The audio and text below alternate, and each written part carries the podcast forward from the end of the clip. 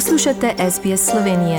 Prisluhnite še drugim zanimivim zgodbam na sbsp.com.au pošiljka Slovenije.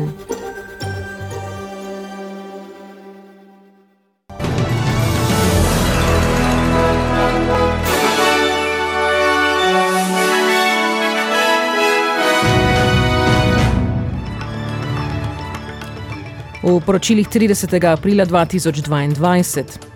V Avstraliji zvezdna koalicija se zavezuje, da bo znižala stroške zdravil in laboristi obljubljajo, da bodo uvedli kraljevo komisijo v schemi Robodet.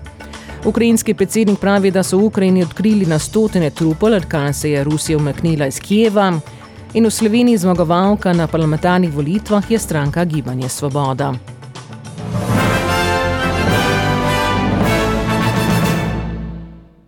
Avstralski premijer Scott Morrison pravi, da bo koalicija uvedla znižanje za vsa zdravila v soti 10 dolarjev, ki so navedena v schemi Pharmaceutical Benefit Scheme ali kratice PBS, če bo ponovno izvoljena.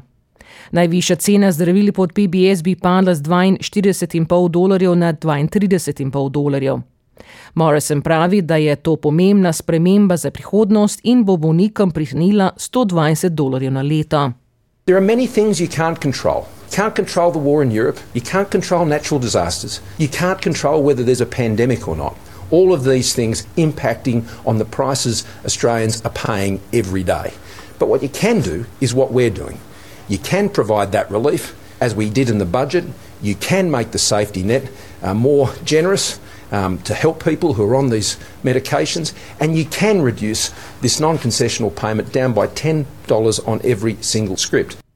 Ukrepi naj bi začeli veljati 1. januarja 2023. Laboristi pa obljubljajo, da bodo uvedli kraljevo komisijo v schemi Robodet, če zmaga na zvezdnih volitvah. Sporna schema Robodet ali avtomatsko ujemanje davčnih in centrlinkovih podatkov za dolgove do prijemnikov socialne pomoči za denar, za katerega je koalicijska vlada trdila, da ga je preplačala, je bila leta 2019 razglašena za nezakonito. Leta 2020 je bila dosežena poravnava v višini 1,2 milijarde dolarjev med žrtvami Robodeta in zvezdno vlado. Toda Morrisonova vlada ni nikoli podrobno razkrila, kdo je bil odgovoren za štiriletno schemo in kateri ministri so vedeli za težave. Scott Morrison je bil ob zasnovih scheme minister za socialne storitve, vendar je zanikal osebno odgovornost.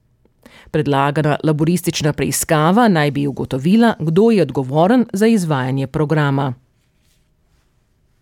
Ukrajinski predsednik Volodimir Zelenski pravi, da je bilo v Kijevu odkritih na stotine trupel od umika Rusije iz regije. Zelenski je v pogovoru s polskimi eh, mediji tudi dejal, da je jedrska elektrarna Zaporižja, ki je trenutno pod rusko okupacijo v Ukrajini, še vedno ogrožena. Pravi, da je bilo ubitih več ljudi, ko so ruske sile prvič obkrožili elektrarno, kar je v nasprotju s tem, kar je predhodno poročala Mednarodna agencija za atomsko energijo. Zelenski obsodil tudi raketne napade, ki so se zgodili kmalo po srečanju z generalnim sekretarjem Združenih narodov Antonijem Guterresom. Pravi, da so razmere v Ukrajini še vedno težke.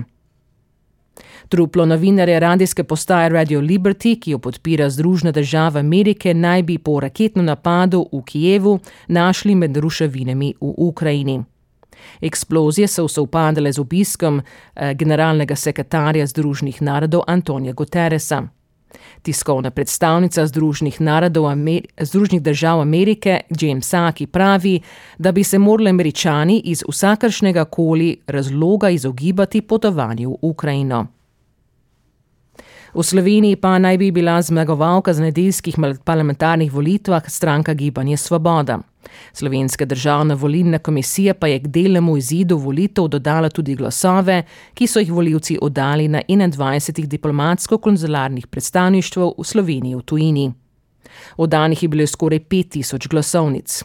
Izide glasovanja na preostalih devetih veleposlaništvih bo državna volilna komisija ugotavljala predvidoma v torek.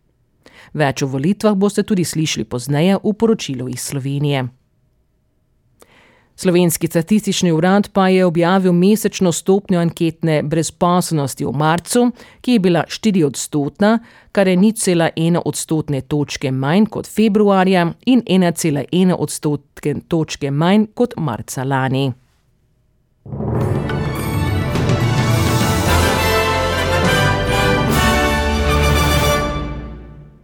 Preglejmo tečajne liste in vreme. Za ameriški dolar boste odšteli 1 dolar in 41 centov, za evro 1 avstralski dolar in 49 centov.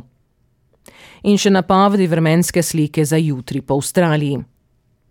V Brisbonu bo deževalo 24 stopinj, v Sydneyju bo občasno deževalo 21, v Cambridgeu bo po večini sončno 18, v Melbournu bo delno oblačno 20, v Hobartu bo oblačno 19, v Adelaidi bo delno oblačno 21, v Pertu bo sončno 25 in v Darwinu bo po večini sončno do 35 stopinj Celzija. Vremenoslovci v Sloveniji napoveduje, da bo danes sončno, popovdne bo na zahodu nekaj visoke koprenasti obl oblačnosti, najviše dnevne temperature bodo od 17 do 21, na Goriškem in Vipavski dolini pa do 23 stopinj Celzija. In to so bila poročila medijskih hiš SBS in STA.